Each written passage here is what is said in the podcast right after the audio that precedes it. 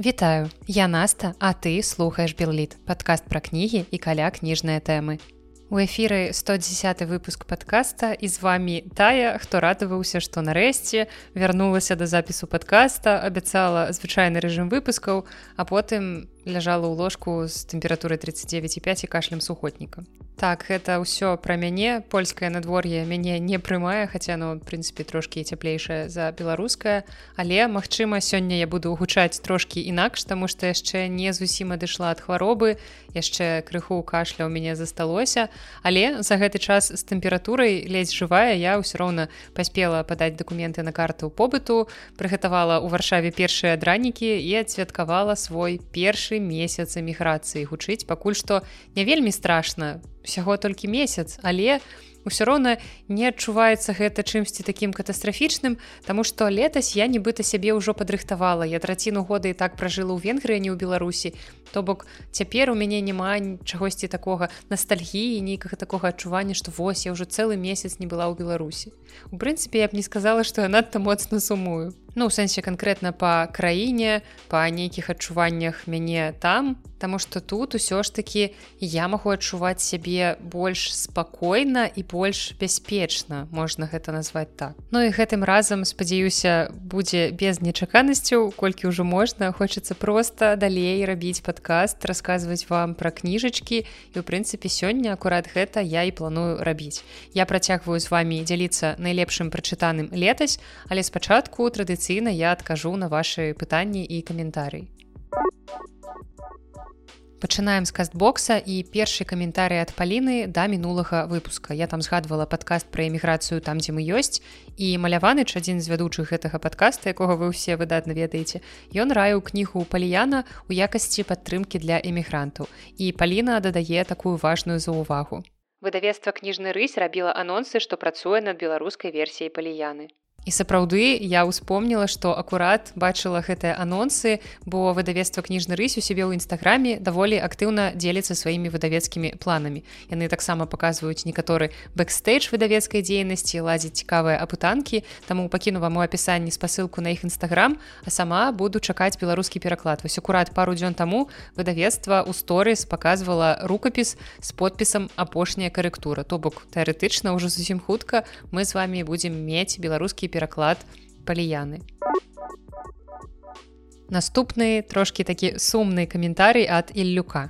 Тое, што наста з'ехала з Беларусі сумна. Пакуль адчуваю пустэчу, якую абавязкова трэба заняць новымі выпускамі падкаста. Зычу поспехаў на новым месцы, каб пераезд даў якасці ў жыцці ды ў працы. Я магу сказаць толькі не сумуйце, мы паспелі пазнаёміцца ў кніжнай шафе, так што ўсё не так сумна. Ніякай трагедыі не адбылося. Я ўсё так жа застаюся ў вашых вушах, няхай з невялічкімі перапынкамі, але проста цяпер я ў вашых вушах з меншым стрэсам і таксама спадзяюся, што з большай колькасцю сіл пераходзім да каментарыяў на Ютубе. І нагадаю што тут я адказваю на каменты да звычайных выпускаў. Бо ўсё астатняе мы разглядаем у межах кніжнага клуба анягош вы там вельмі актыўна рэагуеце на каменты мы можемм вам толькі бязмежна падзякаваць вы вельмі актыўна уключаецеся ў абмеркаванні кніг разам з намі і гэта вельмі радуе. А наступны каментарый ад чайкі. Сапраўды яго напісаў чалавек з нікам сігал за эксплорер Прывітанне з Італіі. Дзякуй вялікі за падкаст, слухаю яго, мабыць, з выпуску 70, але першы раз пакідаю каментар. Вельмі падабаецца. Чакаю з нецярпеннем кожны выпуск. Асабліва падабаюцца выпускі з літнавінамі. Такое пытанне. Ведаю, што з фантастыкай у беларускай літаратуры не вельмі добра, але можа ёсць што ў беларускіх аўтараў пра беларускую славянскую міфалогію. Я толькі Яна баршчэўскага магу прыгадаць. Дзякуй. Ну ведаеце тут нават я з цяжкасцю магу штосьці прыгадаць акрамя Яна баршчэўскага з такіх зусім сучасных аўтараў я магу прыгадаць напрыклад кнігу якая выходзіла некалькі гадоў таму ў выдавестве янушкевич і гэта такое гарадское фэнтэзі можна сказаць подлеткавая нават. В прынцыпе кнігу можна чытаць даволі з ранняга ўзросту. Гэта кніга Аліны длатоўская якая называется арнаменты там згадваюцца якраз розныя персонажы беларускай міфалогіі. І ў прынцыпе гэта такі твор для пачатковага ўваходжання ў свет фэнтэзі можна сказаць і так Таксама у нас ёсць кніга Артура басака беларускія нячысцікі, але гэта не зусім мастацкі двор, гэта хутчэй такая зборка гісторыі пра канкрэтных нячысцікаў. То бок там ёсць ілюстрацыя, які якую намаляваў сам аўтар і невялічкая кшталту энцыклапедычнай слоўнікавай даведкі вось пра канкрэтнага нейкага персанажа беларускай міфалогіі. Так што гэта, мабыць, не зусім тое. А вось канкрэтна творы нейкія мастацкія мне зусім нічога не прыходзіць у галаву. У нас ну прынцыпе даволі мала, як вы ведаеце, пішацца нейкага фэнтэзі, а тым больш фэнтэзі вось на такой глебе, якая дае нам магчымасць апісваць просто неверагодна крутыя рэчы. Беларуская міфалогія на настолькі маштабная і багатая, што я прям бачу у нашай літаратуры які-небудзь такі цыкл цёмнага фэнтэзі.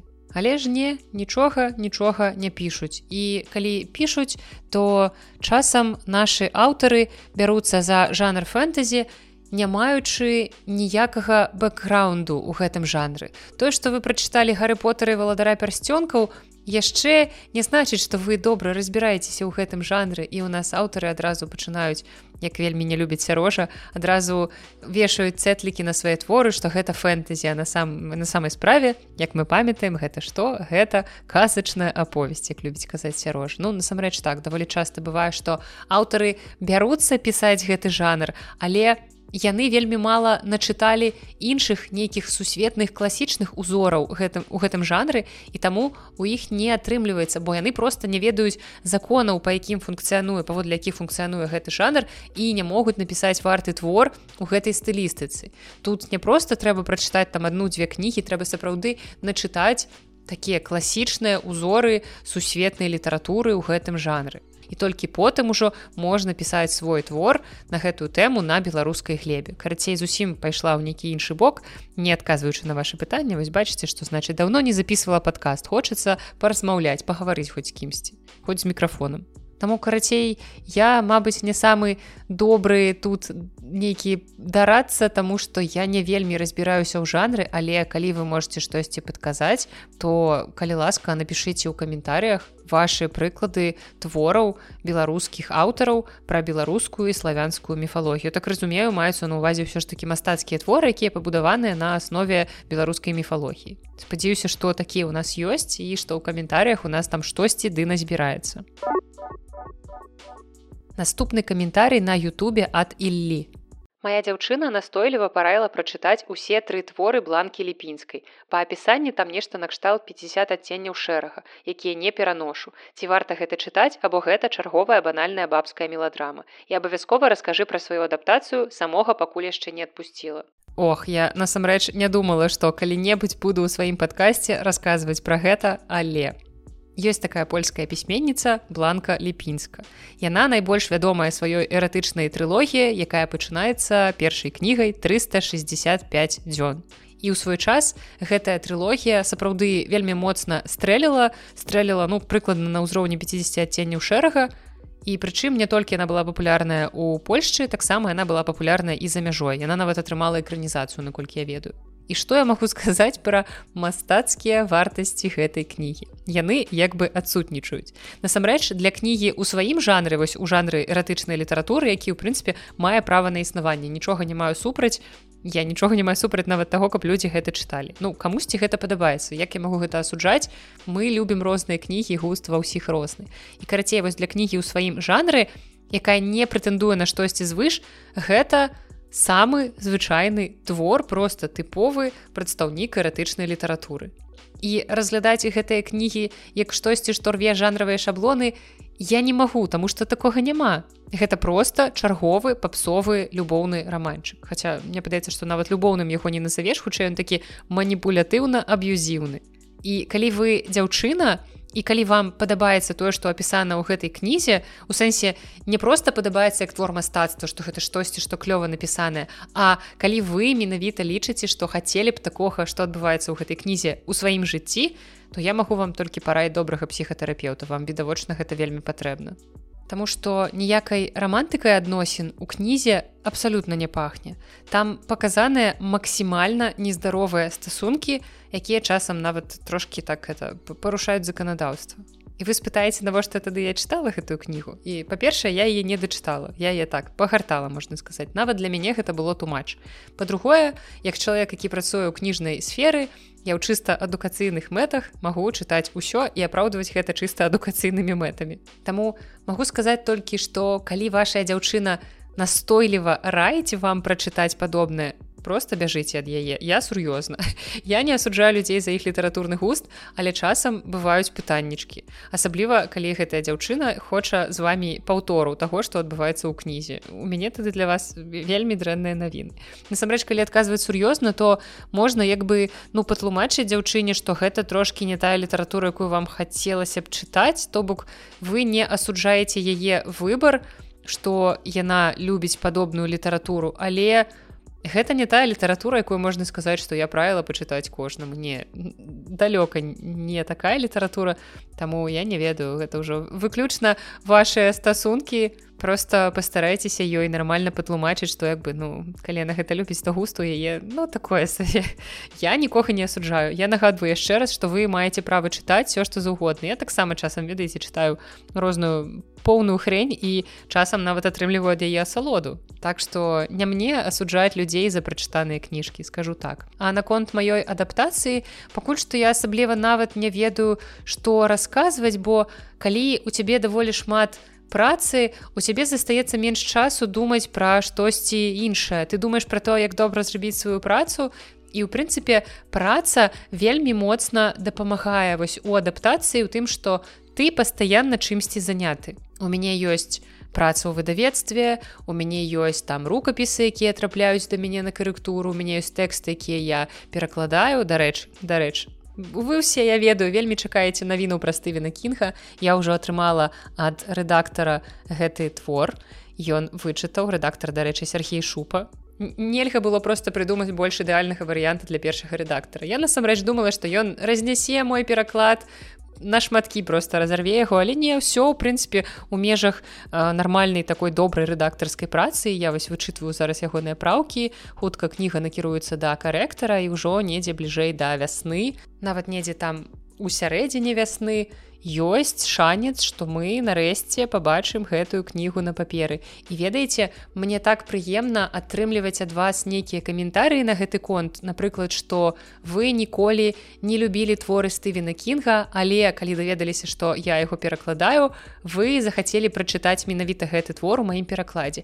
І я вельмі спадзяюся што менавіта я стану такім штурхом мастком паміж стывеном кінгам і людзьмі якія не не вельмі добра ведаюць яго творчасць нічога яшчэ не чыталі бо маюць магчыма нейкае прадузятае стаўленне да таго што ой фух это нейкі папсовы аўтар нейкіх ужасцікаў не насамрэч стывен кінг вельмі глыбокі аўтар і акурат мне вельмі падабаецца выбор твора зяння што гэта твор які адначасова сумяшчае ў сабе і такі забаўляльны на трыллер ужасцік там безумоўна ўсё гэта ёсць крывавыя сцэны забойствы ўсё гэта там прысутнічае. Але разам з тым гэта вельмі глыбокі твор псіхалагічны бо стывен кінг ён выдатны псіхолог ён умее даследаваць чалавечую псіхалогію і гэта выдатны аналіз чалавечай псіхалогіі чалавека алкаголіка сям'і алкаголіка таксама гэта нейкае такое нават даследаванне адносін унутраных у сям'і. Карацей гэта вельмі глыбокі твор пра алкагалізм ізаляцыю сямейныя стасункі адзіноту. І я вельмі спадзяюся што сапраўды людзі не калі стывен кінг выйдзе по-беларуску прачытаюць яго нават маючы нейкае прадузятае стаўленне ўсё роўна прачытаюць гэты твор таму што ім будзе цікава паглядзець на стывена кінга по-беларуску і магчыма дзякуючы беларускаму перакладу стывена кінга з'явіцца там на дзясятак новых фанатаў больш То бок я бачу сваю місію у тым, каб несці стывена кінга ў масы і на кожным проста рагу тлумачыць людзям, што гэта не аўтар ужасцікаў. Так за ім замацавалася вось гэтае званне, можна так сказаць, караля жахаў, але стывен кінг нашмат болей за гэтае маленечкае званне вось так. Таму карацей вось у агульных рысах апісала вам на якім свеце ўвогуле зараз стывен кінг што з ім адбываецца. І карацей вось у мяне ёсць вось у всех гэтыя працы звязаныя з кніжнай сферай у мяне ёсць мой падкаст. І у прынцыпе я настолькі погружаюся ва ўсё гэта што стараюся не думаць пра нейкія сумныя рэчы што там не ведаю мне хацелася б прайсціся вуліцай серабранкі мне хацелася б выйсці на кастрычніцкую плошчу і прайсціся там да цырку пешу і гэтак далей не у мяне такога Мабыць няма я не вельмі сумую па мінску вось менавіта зараз па мінску як па месцу. Мачыма яшчэ просто недастаткова часу прайшло як бы ўсяго трошки больш за месяц. Але я больш сумую Мачыма па нейкіх канцэптах вельмі сумую па людзях так мне вельмі не хапае насты і сярожы побач што я не магу проста ў любы дзень прыйсці на працу ў кніжную шафу і там будзе сядзець наста і мы з ёй пагутарым па душах. Так у нас все яшчэ застаецца інтэрнет але у гэта ўжо трошки не тое. Калі у вас ёсць нейкія блізкія людзі насамрэч блізкія вам сябры вы самі разумееце што жывую камунікацыю нішто не заменіць. Так мы камунікуем штодзённа ў інтэрнэце але але ёсць нюансікі. Все ж таки трошки псіхалагічных нюансікаў ёсць. Таму вось гэта тое па чым я сумую. Я таксама вельмі сумую ведаеце па сваёй бібліятэцы Таму што я пераязджала з невялікай колькасцю кніжак ужо так у прынцыпе тут імі абрасла і як бы кнігарні перыядычна наведваю і кніжкі якія мы выдаём таксама стаяць у мяне на паліцах каб можна было ў любы момант да іх звярнуцца то бок пакуль што у мяне няма ніякай такой праблемы з тым што няма што пачытаць але ведаеце часам сядзіш дома тут і успамінаеш блін у мяне ж на паліцах такая класная кніжка была вось зараз моя знаёмая будзе ехаць з беларусі у польшчу я попрасила е прывесці некалькі кніг якія вось мне літаральна нядаўна прыйшло ў галаву што блин я хочу тэрмінова іх прачытаць а под рукой іх няма. Вось гэта такі нюансік так што калі у цябе здаецца ёсць велізарная бібліятэка з кучай непрачытаных кніг але на там по той бок мяжы і ты як бы ў любы момант дае дабрацца не можаш. Вось гэта таксама тое што мяне трошки прымушае сумаваць але гэта так. Ну не такі сур'ёзны сум я не лічу гэта нейкай вялікай праблемай. Ну кнігі можна даставаць даставаць і тут. Зрэшты можна чытаць электронныя кнігі і няма такой праблемы што ў мяне наогул няма доступу да кніг не у мяне тут ужо кніжак можа 25 у хаце назбіралася у прынцыпе я лічу што гэта няблага у некаторых людзей і дома у сваёй уласнай кватэры не заўсёды ёсць такая колькасць кніг а я тут ужо абрасла прычым што ну не варта мабыць абрастаць кніжкамі ўсё ж таки калі раптам зноў давядзецца кудысьці ехаць ёсць прынцыпе такія нюансы так. Ну і з таго што яшчэ магу адзначыць я просто адзначаю нейкія можа быць культурныя асаблівасці таго што тут адбываецца адбываецца вось напрыклад нядаўна заўважыла такую рэч у моўным лінгвістычным плане што нават калі вы дасканала валодаеце нейкай мовай нават калі у вас зусім няма акцэнту калі вы сапраўды размаўляеце як носьбіт гэтай мовы усё роўна знойдуцца пэўныя нюансы якія выдадуць у вас не носьбіта гэтай мовы. І вось у польскай мове ёсць такая цікавая асаблівасць якую я заўважыла. Я ў прынцыпе цяпер ужо штодзённа даволі шмат польскай мовы чую. Я вельмі радуюся што мне амаль штодзённа даводзіцца на ёй камунікаваць ну даводзіцца мне пытаецца гэта нейкае трэннае слово нібыта мяне прымушаюць я радуюся што я магу штодзённа на ёй камунікаваць мець практыку я правда уже трохі стамілася чытаць па-польску за гэты месяц. Таму я наведала украінскую кнігарню купила сабе кніжку па-украінску перамяжоўваю гэта беларускімі кніжкамі але ну таксама ўсё ж таки польскую мову трэба подцягваць бо у мяне вялікі досвед чытання вялікі досвед слухання я выдатна разумею ўсё але практыкі як такое у мяне даўным-даўно не было даволі такой вялікай сур'ёзнай практыкі. Таму кожны раз калі выпадае такая магчымасць пагаварыць па-польску я сабе ў гэтым не адмаўляю. І вось да чаго гэта я вяла? Вяла да таго што ёсць у польскай мове такая асаблівасць якая вельмі ярка заўважная ў носьбітах. Вы магчыма самі ніколі не зможаце яе вывесці але калі вам хтосьці пра гэта раскажа вось зараз я вам пра гэта раскажу і магчыма людзі якія таксама мае слухачы жывуць у Польшчы падумаюць задумаюцца і таксама пачнуць гэта заўважаць. Карацей у палякаў ёсць нейкая пэўна я б сказала нават нездаровая любоў да памяншальна ласкальных суфіксаў да слоў з памяншальна-ласкальнымі суфіксамі. Вось літаральна сёння мы былі ў рэстаране і афіцыянт, калі прынёс мне піцу, ён сказаў не піца, а піцка. То бок ён нават са слова піца зрабіў слова з памяншальна-ласкальным суфіксам к і зрабіў з яго слова піцка. І таксама, калі мы заказалі качку, ён прынёс качку і сказаў, што вось качушка, і гэта настолькі часта сустракаецца калі вось вы напрыклад у якой-небудзь краме і у вас спытаюць ці патрэбная вам фактура у вас не спытаюць факт ну то бок не могуць конечно спытаць і ў нармальным нармальнай форме гэтае слово але вельмі часта могуць сказаць фактурка або калі я рабіла карту мейску для таго каб на яе атрымаць праязны я рабіла свой здымак дасылала яго там кудысьці на сайт тому что гэтая карта ну неважна карацей са здымкам карта і я дзяўчына у мяне попрасіла не код які я атрымала у на сайце калі дасылала фото яна попросила не код а коджік карацей гэта вельмі вельмі такая рэч невідавочная Мачыма але вось цяпер вы ўжо про гэта ведаеце і мне было б цікава каб вы таксама вось тыя хто людзі хто жыве сярод маіх слухачоў Польшчы каб вы паслухали навакольных людзей і таксама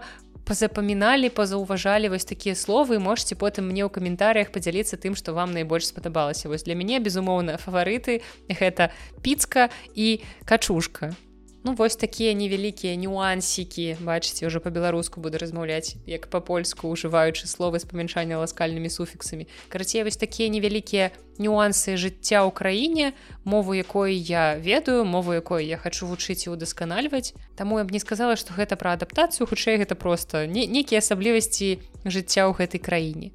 Вось таму агулам на Мабыць гэта ўсё таксама яшчэ хацела заўважыць што калі вы напрыклад ідзяце дзесьці па горадзе і чуеце вось гэтыя сірэны мігалкі то з вялікай верагоднасцю з верагоднасцю 90 там три проценты гэта будзе паліцыя. Калі вось напрыклад вы ідзеце ў будапешце і вы чуеце мігалкі то 99соткаў таго што гэта будзе хуткая дапамога. Ну і прынпе у іх трошкі гукі адрозніваюцца. то хуткая дапамога больш прыемны няхай вельмі гучны такі гук. А паліцыя яна нібыта не ў ноты вось гэтая сірена А тут у Польшчы часцей я сустракала менавіта машыны паліцыі. Я не ведаю ці сведчыць гэта штосьці пра краіну але вось такую асаблівасць гэтай краіны я заўважыла.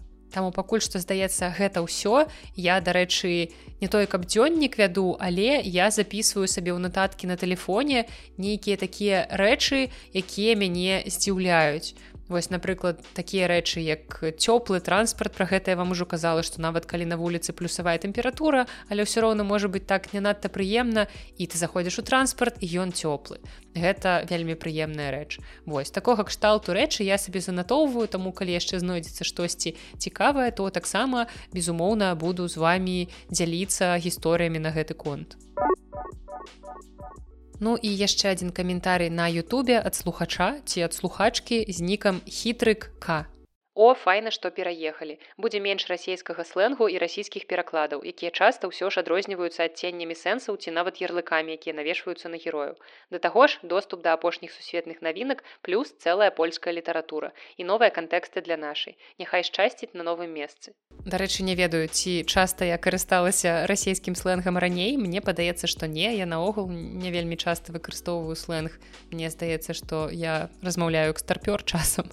А вось расійскі пераклад пераклады я ўжо даволі даўно чытаю у невялікай колькасці просто на жаль ёсць такія мовы якія мне недаступныя ў арыгінале. А з найбольш даступных перакладаў побач аказваецца менавіта расійскі пераклад.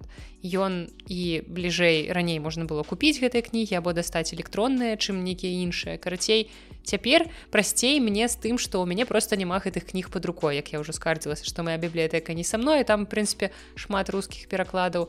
Але у варшаве таксама ёсць дзе купіць расійскія кнігі. Ёсць цэлыя вялікія кнігарні але хто ў цвярозым розуме будзе тут гэта рабіць я не ведаю. Зато як я уже казала я была ва украінскай кнігарні нядаўна і купила кнігу знакамітага польскага фантаста Макса кідрука. У мяне некалькі кніжак яго ёсць на палічках дома у мінску і у мяне таксама ўжо запланаваны украінскі выпуск подкаста які будзе недзе праз месяц. І там я раскажу пра адзін з твораў Масіма кідрука які я ўжо паспела прачытаць і Мачыма гэтую кнігу я таксама паспею прачытаць таму будзе вось вам расповед адразу пра некалькі украінскіх твораў. Ну а польскую літаратуру я ў прынцыпе і так давно чытаю. Мабыць я не так шмат пра яе рассказывала ў падкасці таму што сярод маіх слухачоў ўсё ж такі не так шмат людзей якія чытаюць непасрэдна польскіх аўтараў Таму магчыма, часам я проста буду рабіць тэматычныя выпускі. Вось начытала за пару месяцаў некалькі польскіх аўтараў, вам расказала пра гэта. А той, хто не цікавіцца польскай літаратурай, ён можа проста гэтыя выпускі прапускаць. Ну а наконт рускіх перакладаў і адценняў сэнсаў насамрэч, я не бачу нічога дрэннага у тым каб чытаць рускія пераклады калі ты не валодаеш мовай арыгіналу. Сапраўды ў рассіі ёсць даволі вялікая колькасць добрых перакладчыкаў і калі я валодаю гэтай мовай я лепш прачытаю пераклад на гэтай мове якая як бы ўсё ж таки мне родная.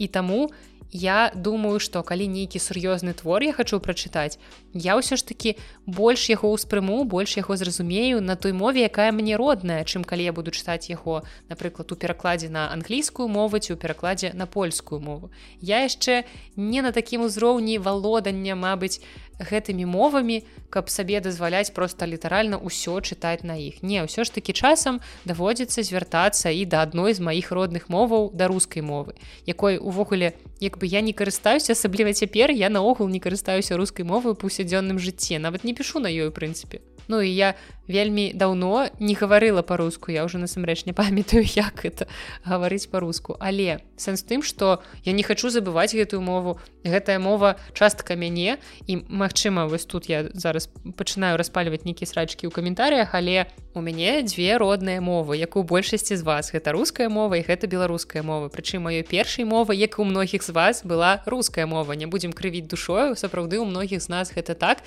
І я зайздрошчу тым у каго гэта не так у каго беларус беларуская была першай і асноўнай. На жаль я нарадзілася ў мінску і ў мяне гэта было не так Таму што я нарадзілася ў звычайнай рускамоўнай класічнай сям'і. Ну і цяпер мне б не хацелася забываць гэтую мову тому что у любая мова клёвая і валодаць любой мовай добра.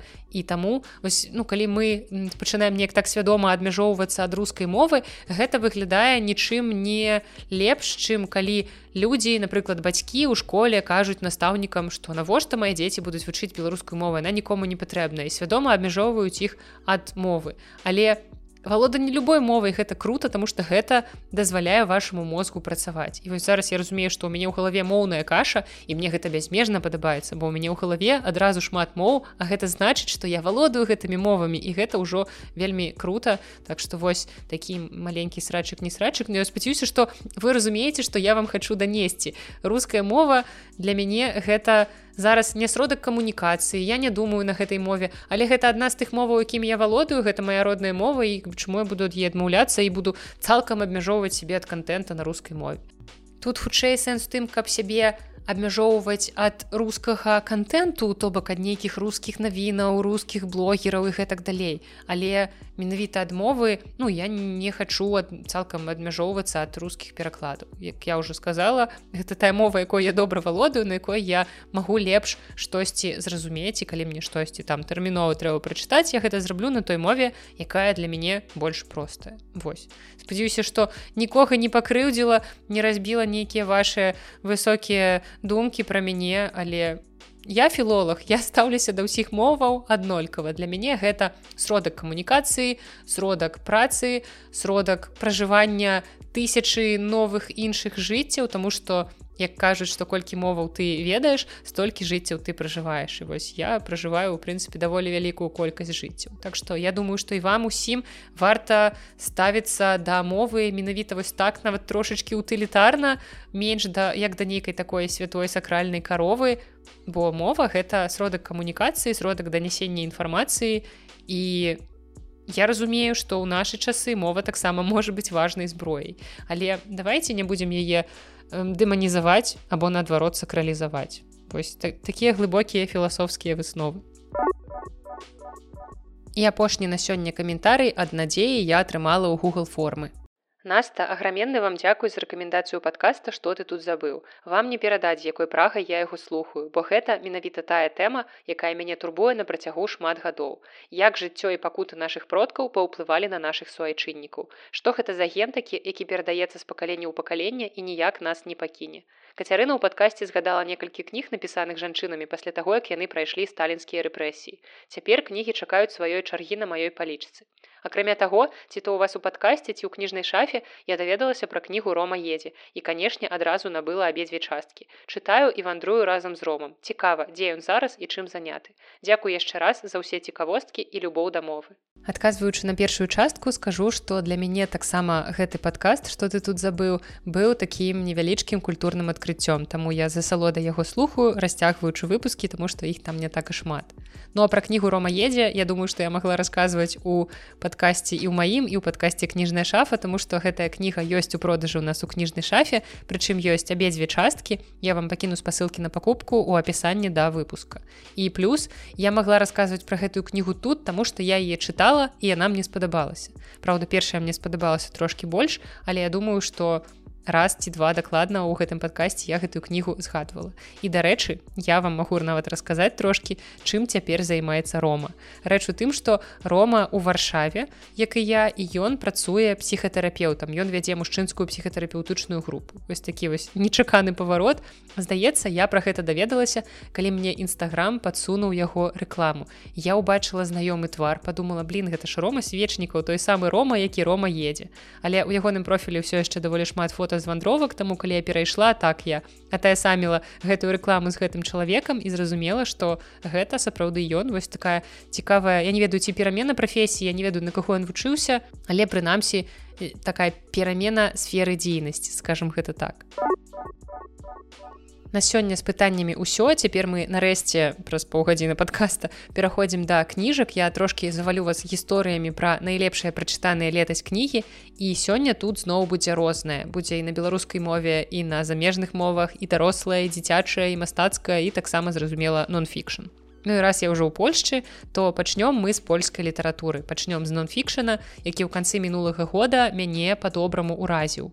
Гэта кніга, якая прымусіла мяне думаць пра тыя рэчы, якімі я раней цікавілася, але гэта было так зусім трошкі. І пасля прачытання гэтай кнігі я на гэтыя рэчы паглядзела зусім па-іншаму. І мы паговорым пра кнігу журналісткі Анны Гоц, якая называецца Гуша. Гэта рэпартаж пра свет глухіх людзей у Польшчы. Кніга выйшла ў 2022 годзе ў выдавецтве доводы. І першае адкрыццё ад гэтай кнігі гэта тое, што большасць глухіх людзей не валодае мовай. То бок амаль усе героі гэтай кнігі глухія палякі, якія не валодаюць польскай мовай. Яны не могуць на ёй пісаць, яны не могуць на ёй чытаць і для мяне як для чалавека жыццё якога цалкам звязанае з яго роднай мовай гэта стала такім вельмі нязвыклым і ў чымсьці нават вельмі трывожным канцэптам. То бок ты ходзіш па вуліцах а навокал ты просто бачыш нейкі незразумелыя значкі. Вось гэта я просто адчуваю як я была ў венгрыі толькі розніца ў тым што яны ў сваёй роднай краіне мову якой яны папросту не разумеюць і я ўсё жыццё думала что быць глухім ну як бы гэта непрыемна гэта складана але не ва ўсім. Я думала что ну яны могуць глядзець фільмы з субтытрамі там ці яны могуць чытаць. У прынцыпе ўжо даволі шмат цікавых рэчаў яны могуць рабіць. Але якім жа шокам для мяне было даведацца что не яны не могуць гэтага зрабіць. Бо калі чалавек глухі ад нараджэння то у большасці выпадкаў ён не валодае нашай звыклай мовай. Беларускай рускай польскай неважна у залежнасці ад таго якой краіне ён нарадзіць нарадзіўся і калі ў сям'і ёсць іншыя глухія то гэтаму чалавеку лічы пашанцавала. Ён можа з малку вывучыць хаця б мову жэстаў і мець хаця б які-ніякі але сродак для камунікацыі. Але так было не заўсёды. І гэтая кніга апісвае страшныя часы калі людзям у Польшчы забаранялі камунікаваць на міхах бо або вучыся нармальна або маўчы І гэтая кніга вельмі страшная, таму што яна расказвае пра дыскрымінацыю і пра несправядлівасць, з якой глухія людзі ў Польшчы сутыкаюцца штодзённа і нават у наш даволі развіты і талерантны да ўсяго час. Але мне штосьці падаецца, што ў краінах накшталт Беларусі з гэтым усё яшчэ горш. І гэтая кніга стала такім зборнікам выклікаў, з якімі штодзённа сутыкаюцца глухія людзі ў паўсядзённым жыцці. Напрыклад, вы захраслі ў ліфце ўсё чакайце пакуль хтосьці не дадумаецца вас адтуль дастаць Таму што вы не можете выклікаць аварыйку бо яны просто вас не пачуюць. У нас звычайна ў ліфтах ёсць спецыяльныя кнопачкі для сувязі і вы націскаеце на гэтую кнопку і кажаце там хто там сядзіць дыспетчер вы кажаце гэтаму мужчыну ці гэтай жанчыне што вы захраслі ў ліфце. Але глухія людзі не могуць гэтага зрабіць тыя ж самыя праблемы з тым каб з дома выклікаць хуткую дапамогу. Вы не можете просто ім пазваніць бо на тым баку слухукі падумаюць што вы просто там не веду дзіцёнак які гуляецца з тэлефоном які просто дыхае ў слухуку замест таго каб нешта казаць. Ну і таксама яшчэ адна праблема звязаная з тым што не існуе адзінай мовы жэстаў дакладней іх ёсць вось у польшчы дзве і яны настолькі розныя што людзі не разумеюць адно аднаго. Таму і хочацца неяк усё стандартызаваць прымусіць глухіх людзей вучыць польскую мову каб усе праблемы вырашаліся там банальна з дапамогай ручкі і кавалка папер Але як вучыць мове нашай звыклай мове людзей, якія сябе не чуюць, яны не разумеюць канцэпцыі гукаў і фанетычнага прынцыпу, на якім пабудаваная наша мова. Ну і таксама гэтая кніга важная яшчэ і тым, што яна дае голас і самім глухім людзям. Бо мы чытаем непасрэдна іх гісторыі пра тое, што ім важна. І аўтарка становіцца своеасаблівым правадніком паміж светам глухіх і тых, хто чуе. Яна дае голас сваім героям і расказвае пра барацьбу цэлай супольнасці праз асобныя гісторыі. Пра мову, пра зносіны, культуру, адчужэнне, сорам і гэтак далей. І аўтарка ясна паказвае, што праблема крыецца ў сістэме у адсутнасці належнай адукацыі і таксама ў адсутнасці прадстаўніцтва глухіх людзей. І пасля чытання гэтай кнігі я трошки больш стала разумець з якімі праблемамі штодзённа сутыкаюцца глухія людзі у любым выпадку я разумею што я не змагу до конца гэтага адчуць паколькі для гэтага таксама трэба быць глухой. Але прынамсі калі мне надарыцца выпадак камунікаваць такім чалавекам то я ўжо буду адчуваць сябе больш падрыхтаваны бо я ніколі не камунікавала з глухімі людзьмі вось так просто. Некалькі разоў у мінску ў яндекс таксі мне трапляліся глухія таксісты. І на гэты выпадак я вывучыла як будзе слова дзякуй на мове жэстаў. І звычайна калі яны давозяць цябе да пэўнага месца яны паварочваюцца каб з табой развітацца якім-небудзь кіўком галавы. І ў гэты момант я показывала гэты жэст. І трэба было бачыць наколькі расплы расплываўся ва ўсмешцы твар гэтых людзей. Для іх гэта як мне падаецца неверагодна важна і прыемна. Для вас нічога не варта просто вывучыць адзін гэты невялічкі жэст а людзям будзе неверагодна прыемна. Таму калі вы любіце чытаць кнігі на такія даволі няпростыя сацыяльныя тэмы то я вельмі вельмі раю вам гэты рэпартаж калі вы можете чытаць яго па-польску. Бо гэта сапраўды важная кніга пра важную праблему і мне хацелася б каб літаратуры падобнага кшталту і ў беларусі таксама з'яўлялася больш тому что я цяпер даволі шмат ужо ведаю пра глухіх людзей у польшчы але по-ранейшаму нічога не ведаю пра глухіх людзей у беларусі тому что я не магу сабе ўявіць каб у нас вось у наш час зараз по-беларуску ці нават по-руску з'явілася б такая кніга пра свет глухіх людзей у беларусі. На жаль конечно на жаль Цяпер ад такой складанай і нават сумнай тэмы ў чымсьці мы пяройдзем да дзіцячай літаратуры. Я хачу вам расказаць пра серыю кніг, якую акурат летась я скончыла чытаць. І калі я вось рыхтавалася зараз да гэтага выпуска, то я даведалася, што мінулай вясной выйшла яшчэ адна частка цыкла. І гаворка ідзе пра цыкл французскай дзіцячай пісьменніцы Мары от Мюрай, які называецца спаситель і сын і шэсць частак гэтага цыкла я чытала ў рускім перакладзе у выданнях выдавецтва самакат і мне цяпер цікава ці перакладуць яны ўвогуле новую сёмую кнігу ці мне давядзецца шукаць французскі арыгінал і чытаць гэтую кнігу праз перакладчык Таму што пакуль я нават не бачыла англамоўнага выдання. Кніга выйшла амаль год таму здаецца вясной мінулага года. І вы бачыце наколькі вялікая моя любоў да гэтага цыкла што я гатовая чытаць працяг гэтага цыкла праз перакладчык І што ж гэта за магічныя такія кнігі, чаму настолькі моцна мне хочацца чытаць нейкую дзіцячую кнігу. І наогул гэты цыкл можна умоўна толькі назваць дзіцячым, хаця на кожнай кнізе можам знайсці ўзроставае абмежаванне 18+. Але я вам ужо рассказывала, што гэта насамрэч сапраўды проста умоўнасці. І падрабязна расказваць вам сюжэты кожнай шасці частак я не буду, я просто акрэслю сюжэтныя лініі персанажаў у агульных рысах. І галоўны герой гэтай кнігі гэта клінічны псіхолог якога завуць у рускім перакладзе спаситель сент-ів гэта высокі дарослы цемнаскуры мужчына які спецыялізуецца на працы з падлеткамі іх сем'ямі і ў творы сярод праблем падлеткаў разглядаюцца такія тэмы як дэпрэсія пошук сексуальнай ідэнтычнасці сексуальны гвалт гомасексуалізм разлучэнне бацькоў змешаныя сем'і а таксама смерць і расізм і прымае сваіх пацыентаў псіхолог дома таму ягоны сын лазар якому на момант першай кнігі 8 гадоў чуе ўсе гэтыя сеансы таму што ён вельмі любіць іх падслухоўваць. І хлопчык атрымліваецца ўжо з самага маленства пагружаны ў такі няпросты свет дзіцячай псіхалогіі Ну як заўсёды гэта здараецца, спаситель дапамагае чужым дзецям, наладжвае іх жыццё, але часам сам не можа даць рады з тым вэрхалам, які адбываецца ў ягоным уласным доме у ягонай сям'і.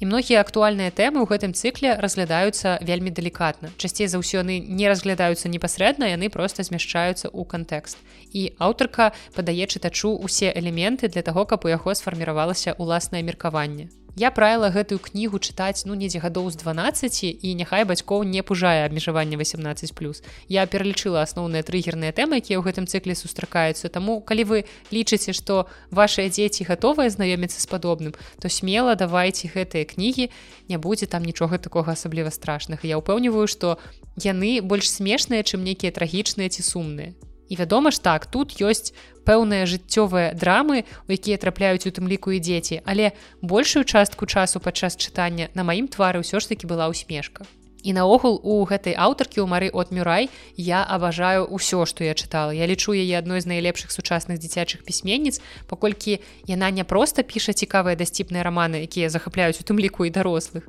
але яна яшчэ і закранае вельмі актуальныя тэмы і не баіцца ўздымаць у дзіцячай літаратуры складаныя тэмы. На жаль, многія з гэтых тэм у нашых шыротах лічацца табуяванымі і бацькі не вельмі ахвотна купляюць дзецям падобную літаратуру, але я просто максімальна з нецярпеннем чакаю той час, калі гэта зменіцца і бацькі самі будуць прасіць такія кнігі ў беларускіх кнігарнях, а не пужацца, калі мы з насты прапаноўваем ім падобныя кнігі ў кніжнай шафе. Цяпер звернемся да сур'ёзнай мастацкай літаратуры. І як і многія кнігалюбы, я бязмежна люблю чытаць раманы пра пісьменнікаў, пра літаратуру ці неяк наогул звязаныя з літаратурным светам. І ў сённяшнім выпуску я вам раскажу адначасова пра два такія творы. Абедзве кнігі я чытала ў арыгінале па-ангельску і адну з іх я вельмі мару перакласці. І калі вы слухали выпуск падкаста, дзе мы з настай і сярожам падводзілі свае вынікі года, то вы ўжо ведаеце, што гэта такая за кніга. З гэтай кнігі мы і пачнём. І летась я нарэшце пазнаёмілася з творчасцю амерыканскай пісьменніцы кітайскага паходжання Рэбекі Куанг. У 2018 годзе, у прынцыпе ўжо даволі даўно 6 гадоў таму яна скаланула літаратурны свет сваім дэбютным творам. Гэта фэнтэзі-раман опіумная вайна. І з таго часу літаральна кожны без перабольшання кожны яе твор становіцца бестселлерам і прадметам для шырокага абмеркавання ў літаратурным свеце. І цікава, што піша яна зусім у розных жанрах. Напрыклад, опіумная вайна гэта фэнтэзі-трылогія. Пасля яе аўтарка выпусціла раман Вавілон, напісаны ў модным цяпер жанры дарк акадэмія, а вясной мінулага года выйшаў яе новы раман Yellowface, які мы можам аднесці проста да звычайнага сучаснага рэалістычнага рамана. І вясной у Будапешце я сабе купляла вавілон у арыгінале, але калі вы бачылі памеры гэтага рамана, вы разумееце, чаму я не пачала адразу чытаць гэтую кнігу тым больш па-ангельску. Ну а летом я побачыла ў кнігарні Будапешта ярка-жоўтае выданне Yellowface, я яго схапіла і вось гэтую кнігу я ўжо адразу пачала чытаць на месцы. І гэтая кніга стала адной з найлепшых кніг прачытаных летась. І зараз я раскажу вам чаму, а таксама паспрабую завабіць вас да чытання гэтай невераходна захапляльнай і актуальнай кнігі. Перад намі ў творы паўстаюць дзве маладыя пісьменніцы Джун і Афіна. І першая яна менш паспяховая, яна менш вядомая і таксама яна даволі сумна светласкурая амерыканка, нічога асаблівага. Ну а другая яна ўжо мае пэўную папулярнасць, яе лічаць вельмі перспектыўнай. Плюс таксама яна паводле паходжання азіятка, што ўжо дадае трошкі пэўнай экзотыкі. І нельга сказаць, што Афіна і Джун найлепшыя сяброўкі. Не, хутчэй тут Джун зайздросціць поспеху Афіны, але потым у іх завязваецца нейкая больш шчыльная камунікацыя і здараецца так, што дзяўчаты аказваюцца разам у кватэры Афіны. І крыху падвыпіўшы, яны ладзяць спаборніцтва па паяданні бліноў. І здараецца так, што Афіна давіцца адным блінам, а Джун не можа ёй дапамагчы і аказаць першую дапамогу.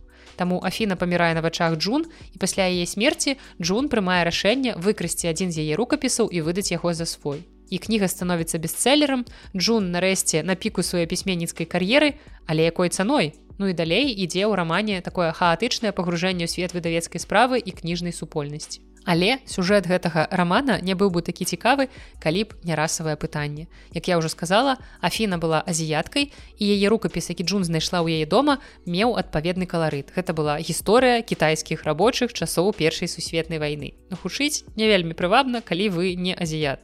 Зразумела, што падобнае даследаванне ў прынцыпе мог напісаць чалавек абсалютна любой расы, любы гісторык, які даволі глыбока пагружаны ў гэтую тэму Але апошнім часам такое уяўляецца ўсё менш магчымым, бо у сучасным свеце існуе нейкі стэеатып, што пра чорных, напрыклад, могуць пісаць толькі чорныя.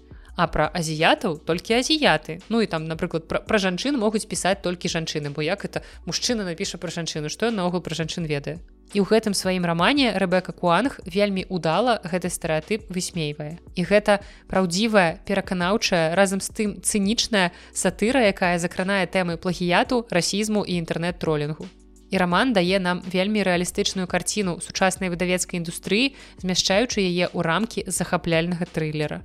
Гісторыя круціцца вакол такой антыгераіне, якой рухае адчуванне ўлады, а разам з тым, як не парадаксальна няўпэўненасць у сабе І вось адзінота адчайнае імкненне да прызнання гэта тыя рухаючыя сілы якія штурхаюць джун на крайнія меры на выкраданне гэтага рукапісу. Ну і спачатку натоўп чытачоў пачынае джун абвінавачваць у культурным прысваенні. Маўляў яна белая амерыканка якое наогул права яна мае расказваць гісторыю кітайскіх рабочых. Што яна наогул пра гэта ведае Да таго ж, як вы разумееце, увесь час яна жыве ў страху у пастаянным страху, што яе таямніца будзе раскрытая, асабліва калі ў інтэрнэце з'яўляецца нейкі ананім і пачынаюць адбывацца вельмі дзіўныя рэчы. Хтосьці загадкавы пачынае даказваць, што яна скрала гэтую кнігу ў афіны і тут таксама ёсць такі пэўны нюанс у тым што у афіны быў свой заскок.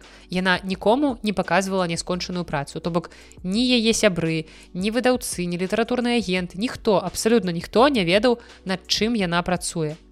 Ніхто не бачыў нейкія чарнавікі рукапісы накіды і гэтак далей. І Джун пра гэта ведала пра такую асаблівасць афіны. Таму яна наважылася скрасці гэты рукапіс разумеючы што хутчэй за ўсё пра яго не ведае ніводная жывая душа і калі з'яўляецца нейкі ананім які настойвае на тым што гэта насамрэч кніга афіны Джун сапраўды палохаецца таму што ёй пачынае падавацца нібыта труп афіны паўстал з магілы і сочаць за ёй. Ну і па меры развіцця сюжэту мы назіраем як Джун усё далей і далей апускаецца ў яму якую сама ж і выкапала Але гэты твор цікавы яшчэ і тым што тут складана суперажываць нейкаму з персанажу гэта даволі рэдка бывае калі усе персонажы сапраўды трошки нейкія мярзотныя. Вось Джун за свае паводзіны зразумела не выклікае спачування хаця разам з тым мы можемм яе зразумець. Мы можемм зразумець прычыну яе учынкаў. Але нібыта Афіна мусіць быць пазітыўным персонажам у гэтай кнізе нейкім такім больш станоўчым вобразам. Але чым далей тым больш мы бачым што за фасадам такой мілай паспяховай папулярнай пісьменніцы хаваецца чалавек які здольны маніпуляваць іншымі. Ну яшчэ таксама шмат шкілетаў з шафаў афіны дастае аўтарка. І на працягу ўсёй кнігі мяне турбавала толькі одно пытанне. Ці акупіцца гэты адкрыты акт плагіяту ці літаратурнага злодзея чакае расплата. І наогул трылер пра кніга выдання гэта просто складана прыдумаць больш ідэальнае апісанне кнігі для мяне Таму калі вы цікавіцеся тэмай плагіяту ў літаратуры, то я вам раю гэты раман, або таксама магу вам параіць адну з маіх улюбёных кніг. Гэта раман Джона Бойна, які называецца лесніца в неба. Я падрабязна пра гэтую кнігу вам рассказывала вельмі вельмі вельмі даўно у далёкім дзясятым выпуску і дарэчы, магу заўважыць, што тую кнігу я таксама купила калісьці ў кнігарні і ў той жа дзень літаральна праз там гадзіну на лаўцы на вуліцы пачала чытаць. І яна тады стала адной з найлепшых кніжак года. І гэтую кнігу я таксама адразу пачала чытаць на вуліцы ў кавярні і таксама яна стала адной з найлепшых кніг года. Магчыма мне варта купляць кнігу і адразу пачынаць яе чытаць. Гэта нейкі добры знак. Але карацей ела ў фейс рэбекі куанг калі вы любіце такія захапляльныя вострасюжэтныя творы звязаныя з літаратурным светам. Наогул тут вельмі цікава паназіраць за тым як уладкаваная выдавецкая справа ў ЗША тут вельмі шмат пра гэта. Таму калі вось усё гэта вам цікава то вельмі вельмі раю вам гэтую кнігу Ну і другая літаратурная кніга, пра якую мне так хочацца пагаварыць пабольш, але тады я проста раскрыю усе спойлеры і гэта раман Мэк вуліцар, які называецца The Wife, які выйшаў у 2003 годзе. І гэта гісторыя адной пісьменніцкай сям'і. Дакладней гэта гісторыя сям'і знакамітага амерыканскага выдуманага раманіста Джозефа Каслмана і яго джонкі Джан. І твор пачынаецца ў небе, сям'я ляціць на самалёце ў Хельсінкі, дзе Джозефу будуць уручаць прэстыжную літаратурную ўзнагароду. І гэта ўзнагарода лічыцца нібыта ўсяго на адну прыступку ніжэй за нобелюўскую. І ў творы неаднаразова падкрэсліваецца, што гэтая прэмія гэта такая спроба фінаў забрацца на тэрыторыю нобелюўкі нобелеўкі нібыта да нобелеўкі яны не дараслі але літаральна парачка сантыметраў у хельсінскай прэміі застаецца. І зразумела што такой прэміі насамрэч не існуе але каб паказаць нам яе статус і значнасць у літаратурным свеце з'яўляецца вось такое параўнанне з рэальнай нобелеўскай прэміяй І з першых жа старонак твора мы пагружаемся ў думкі жонкі Джан, якая плануе пакінуць свайго мужа. Як толькі яны скончаць з гэтай прэміі, яны вернуцца ў нью-йорк і гэтая 60гадовая жанчына хоча са сваім мужам развесціся. Бо рэч у тым, што 40 гадоў свайго жыцця яна прысвяціла мужу і ягонай творчасці, не зважаючы на ўласныя творчыя амбіцыі. І нарэшце вось яна ад усяго гэтага стамілася. Ну далей аўтарка закідвае нас на 50 гадоў назад, каб расказаць нам гісторыю гэтага шлюбу і паказаць, якія шкілеты хаваюцца ў шафе сям'і Касалмана. Ну і тыя самыя шкілеты будуць велізарным просто найвелізарнейшым спойлерам, таму я не буду раскрываць вам сюжэтны паварот, пра які, дарэчы, я сама здагадалася даволі рана. Ну і на працягу наступных чатырох дзён у Хельсінкі Джан успамінае заляцанні мужа, нейкія дэталі іх шлюбу і яна чакае моманту, калі нарэшце скончыць зусім гэтым, скончыць са сваім мужам і зможа развесціся і адысці ад яго. І гэта неверагодна кранальная гісторыя пра тое, што амаль за кожным вялікім пісьменнікам стаіць таленавітая жанчына і па вялікім рахунку ўсё апісанае ў кнізе ва ўспамінах галоўнай гераіні гэта гісторыя таго як яна падстроілася пад свайго мужа як яна паклала на алтар іх шлюбу усе свае мары усе свае імкненні усе свае амбіцыі і рабіла ўсё каб жыццё іх сям'і круцілася вакол яе мужа Джан зрабіла вялікую колькасць няправільных выбараў, яе жыццё ніяк нельга назваць узорным, але разам з тым у гэтым творы яна ахвяра. І не толькі вось так гучна ахвяра патрыархату, але ў той жа час мы не здымаем з яе адказнасці. Яна ахвяра уласных выбараў але нюансік у тым што Джан усё ж таки расла ў тыя часы калі вельмі складана было зрабіць правільны выбор нават скажем правільны феміністкі выбор думаю што можна ужыць такі эпітет у добрым сэнсе феміністкі. Бо цяжка зрабіць правільны выбор у сітуацыі калі ўсё навокал цябе крычыць. Правільны выбор гэта быць узорнай жонкай На працягу ўсёй кнігі мы бачым, што Джаан заўсёды цвяроза ацэньвала сваё становішча, яго несправядлівасць і несправядлівасць становішча іншых жанчын. Таксама адабраныя ў яе магчымасці і прывілеі, які ў пісьменніцкім свеце застаюцца мужчынам. Але разам з тым, нават яна дазваляе сабе пэўныя мезагеністычныя думкі, таму што яна выхоўвалася ў такім грамадстве і гэты раман закранае мноства пытанняў. Напрыклад што наогул значыць быць паспяховым? Таксама што значыць быць жонкай? Што значыць быць маці? І ці адмовіліся вы б ад чагосьці толькі дзеля таго каб мець магчымасць кагосьці пакахаць? Ну і таксама цікавае пытанне ці кожны шлюб мае свае сакрэты І гэта раман пра добраахвотна ўскладзеную на сябе ролю класічнай жонкі. Гэта твор пра пачуцці пакалення нашых прыгнечаных маці, якія жывуць у цені, суіснуючы ў мужчынскім свеце, спрабуючы упісацца і трымаць на сабе жыццё цэлай сям'і. І дарэчы, калі вы хочаце паглядзець экранізацыю, то ў гэтай кнігі яна ёсць. Яна выйшла ў 2017 годзе з Глен Клоус у галоўнай ролі і за гэтую ролю яна нават атрымала залаты хлопус. Я паглядзела, што рэйтынг на AMDB у фільма ажно 72 гэта даволі высока. Таму думаю, што гэты фільм я пагляджу. І калі ён мне спадабаецца, то вы пачуеце пра яго ў адным з выпускаў падкаста у рубрыцы экспрэс-рэкамендацыі. Ну а кнігу Мэк вуліцер The Wife магу параіць не толькі тым, хто любіць чытаць кнігі пра літаратурны свет, насамрэч пра літаратурны свет тут не так і шмат. Гэта ўсё ж такі больш гісторыя жанчыны, гісторыя жонкі, гісторыя маці. Таму насамрэч неважна, у якой сферы знакаміты яе муж ён мог бы быць вядомым рэжысёрам, мог бы быць вядомым інжынерам і гэтак далей. Галоўнае тое, што адбываецца ў адносінах паміж імі і тое, што адбываецца ў галаве гэтай жанчыны самой і скончым размову пра кнігі на сёння дзвюма дзіцячымі творамі кнігі абедзве зімовыя адна ад нямецкага пісьменніка другая ад беларускай пісьменніцы. І абедзве кнігі летась выйшлі ў выдавецтве папуры і дзякую гэтаму выдавецтву што падзяліліся са мной гэтымі кнігамі для агляду. І пачнём мы з замежнай і гэта вершаваная гісторыя ад пісьменніка які ў маім падкасці ўжо з'яўляўся. Праўда ён з'яўляўся са сваім дарослым фантастычным раманам кволіці ленд і гэта я вяду да марка уве клінга які разам з мастачкай астрытхен стварыў прыгожую вершаваную гісторыю для дзетак якая называется велікодны дзед На беларускую мову гэты твор пераклаў ігар крэпс і кніга таксама ёсць у продажы ў нас у кніжнай шафе. І гэта маленечкая і вельмі вясёлая кніга пра вечны канфлікт бацькоў і дзяцей. У нас ёсць сын дзеда мороза, які не хоча працягваць сямейную традыцыю.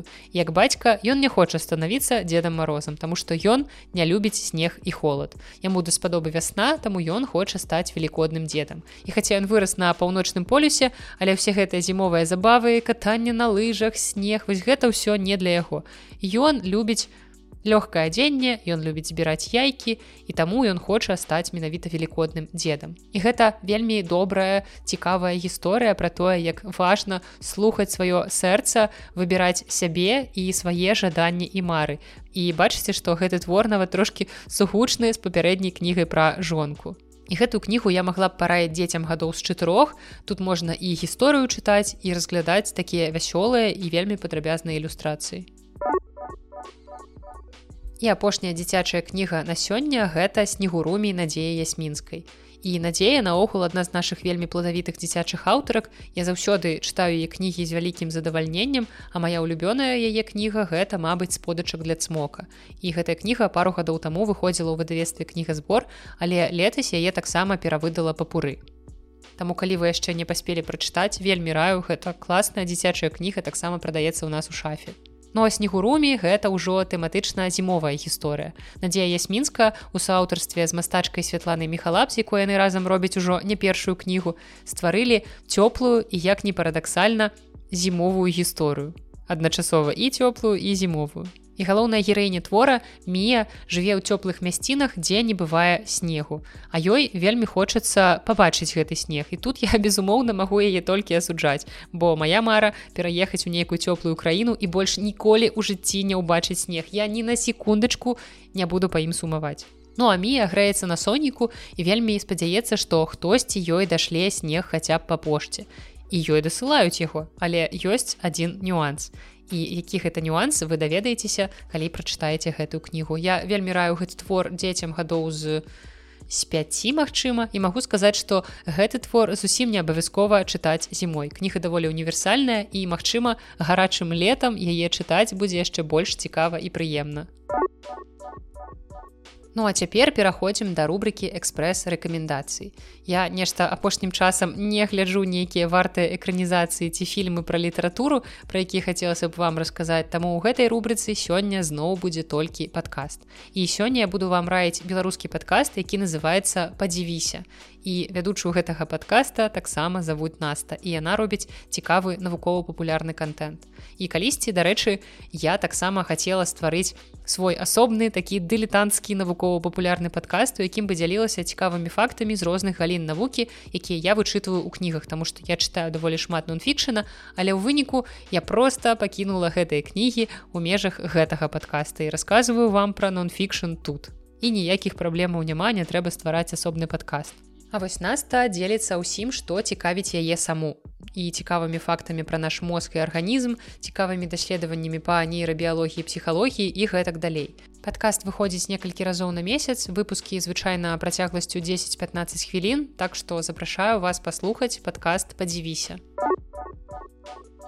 Ну і скончым падкаст традыцыйна літаратурнай гісторыі. Я вельмі люблю літаратурныя незвычайныя гісторыі пра тое, што натхненне можа нападкаць цябе ў любым месцы. Як выкручваюцца пісьменнікі, калі пад рукой няма тэлефона, няма камп'ютара ці банальна няма нават ручкі з аркушам паперы. У 2000 годзе выдавецтва з халасцік прапанавала амерыканскім школьнікам задаць пытанне Джану Роулінг спытаць у яе штосьці пра гары потара і адзін вучань спытаў як вы прыдумалі імёны герояў і назвы факультэту ў хогварце і роулінг на гэта адказала. Я запісала назвы факультэтаў на папяровым пакеце для ванітаў у самалёце. Гэта праўда. Я люблю прыдумляць імёны а яшчэ я збіраю незвычайныя назвы. Так што проста магу прагартаць запісную кніжку і абраць тое што падышло б новаму персонажу Ну, конечно правильно дзе ж яшчэ записывать імёны герою калі под рукой няма паперы. Толькі на пакеце для ванітаў Але дарэчы, большая частка Гары Потара напісаная аўтаркай ад рукі. Яна аказала, што спачатку ручка і папера, а потым Microsoft Word. і многія часткі сваіх кніг пра гары потара яна пісала на урыўках паперы ў розных месцах а потым збірала гэта ўсё разам і дарэчы неяк на вакзале роулінг прыдумала асноўныя сюжэтныя лініі для будучага самага вядомага дзіцячага рамана але яна не мела магчымасці іх запісаць таму што е не было ручкі. І вярнуўшыся дадому яна адразу ж зафіксавала на паперы свае задумкі. А дагэтуль яна проста сядзела на вакзале нейкі час і пракручвала ў галаве бясконца гэтай думкі каб толькі іх не забыць І насамрэч гэта гучыць вельмі рэтраградна улічваючы што згодна са статыстыкай 4 з 6 бестселераў напрыклад у карэі напісаныя пры дапамозе смартфонаў. То бок нават не камп'ютараў ці ноутбукаў а менавіта тэлефону мне наогул складана гэта ўявіць як можна напісаць раман на тэлефоне. Але вось карэйцы неяк спраўляюцца. І дарэчы мы акурат нядаўна абмяркоўвалі сябрам што ў наш час мы губляем просто велізарны культурны пласт звязаны з чарнавікамі і рукапісамі твораў усе пішуць адразу ў ноутбук з магчымасцю імгненна гэта ўсё правіць. І тады ўзнікае пытанне што даследчыкі будуць даследаваць у будучыні Я просто так і бачу загалоўкі будучых газет накшталт. Шакуючая знаходка. На жорсткім дыску ноутбука альгерта бахарэвіча знойдзены першы чарнавік кнігі мае 90 і гэта будзе сапраўдны хіт. Так што пісьменнікі калі ласачка дайце працу літаратуразнаўцам будучынь. Пакідайце хаця б электронныя чарнавікі сваіх твораў. Вось зрабілі першы чарнавік скапіравалі яго і праўце новы файл. А першы чарнавік пакіньце каб яго даследавалі нашчадкі Вось бачыце, які я гаварлівы чалавек у падкасці. Першы выпуск падкаста пасля невялічкага перапынку і адразу на гадзіну. Загрузіла вас кніжкамі, загрузіла вас гісторыямі, адказамі на пытанні, гісторыямі пра сваю адаптацыю, Але я спадзяюся, што вам было цікава, і мы з вами сустрэнемся ўжо праз тыдзень. Не адбудзецца ніякіх катаклізмаў землятрусаў що тут яшчэ можа адбыцца ў варшаве? Карацей спадзяюся што ўсё будзе добра. І на наступным тыдні мы з вами сустрэнемся ў новым выпуску літ навінаў нарэшце раскажу вам все што адбылося у студзені. Адбылося ў прынцыпе даволі шмат і нават у адным толькі літаратурным свеце ў беларусі. Дакладней не ў беларусі а у беларускім літаратурным свеце. Не толькі ў беларусі але і па-за яе межамі Ну а далей пасля літнавіна ў наступныя выпускі я працягну вам расказваць пра найлепшыя прачытаныя ў мінулым годзе кнігі. Ну і тут класічна ў канцы выпуска хочацца нагадаць, што калі вы можете і хочаце падтрымаць мой падкаст, то гэта можна зрабіць або праз сайт patreon.com там вы можете стаць маім патронам і атрымліваць нейкія дадатковыя матэрыялы, бэкстейдж. таксама часам там я стараюся апублікаваць падкаст на некалькі дзён раней, хаця б каб патроны маглі паслухаць яго раней, чым звычайныя слухачы. Ну і таксама зусім хутка туды і вернецца асобны выпуск падкаста пад назвай чытацкі дзённік, які атрымліваюць толькі мае патроны. Усе астатнія слухачы не атрымліваюць гэты падкаст. Гэта такая моя падзяка за падтрымку таксама там у апісанні да выпуска ёсць нумары беларускіх картак якія ўсё яшчэ актыўныя так што калі што можна данаціць на гэтыя беларускія карткі або таксама вы можете падтрымаць мяне добрым словам каментарыям нейкім пытаннем за увагай прапановай які вы можете пакідаць або ў каментарыях калі вы слухаеце падкаст праз кастбокс або праз YouTube або праз soundcloud. І таксама вы можете пісаць мне ў google формы спасылка на якія будзе ў апісанні да выпуска. Ну і таксама пісаць мне на электронную пошту беллит пост сабака gmail.com таксама гэта ўсё будзе ў апісанні да выпускаў. Наогул там вельмі шмат карысных спасылак. Не забывайте зазіраць туды усе спасылкі на пакупкі кніг на нейкія ініцыятывы нстаграмы якія я вам раю. Таксама ўсё гэта вы знойдзеце ў апісанні да выпуска Ну і заканчваю записываць гэты выпуск подкаста я гледзячы ў акно на бізнес-цэнтр варшавы які добра відаць у мяне з акна. Я бачу палац культуры і навукі усе гэтыя будынкі светяцца люблю часам глядзець у далечыню на іх гэта мяне так трошки супакойвае. Хаця многія насамрэч не любяць гэтую частку варшавы бо яна такая больш сучасная шкляная модная але не ведаю мне даспадобы і палац культуры і навукі у адрозненне ад многіх палякаў я таксама люблю. І у мяне ёсць такая традыцыя кожны раз калі я яго бачу бачу амаль што 99сотках выпадкаў я яго фатаграфую. Я такі амбасадор палаца культуры і навукі у Польшчы.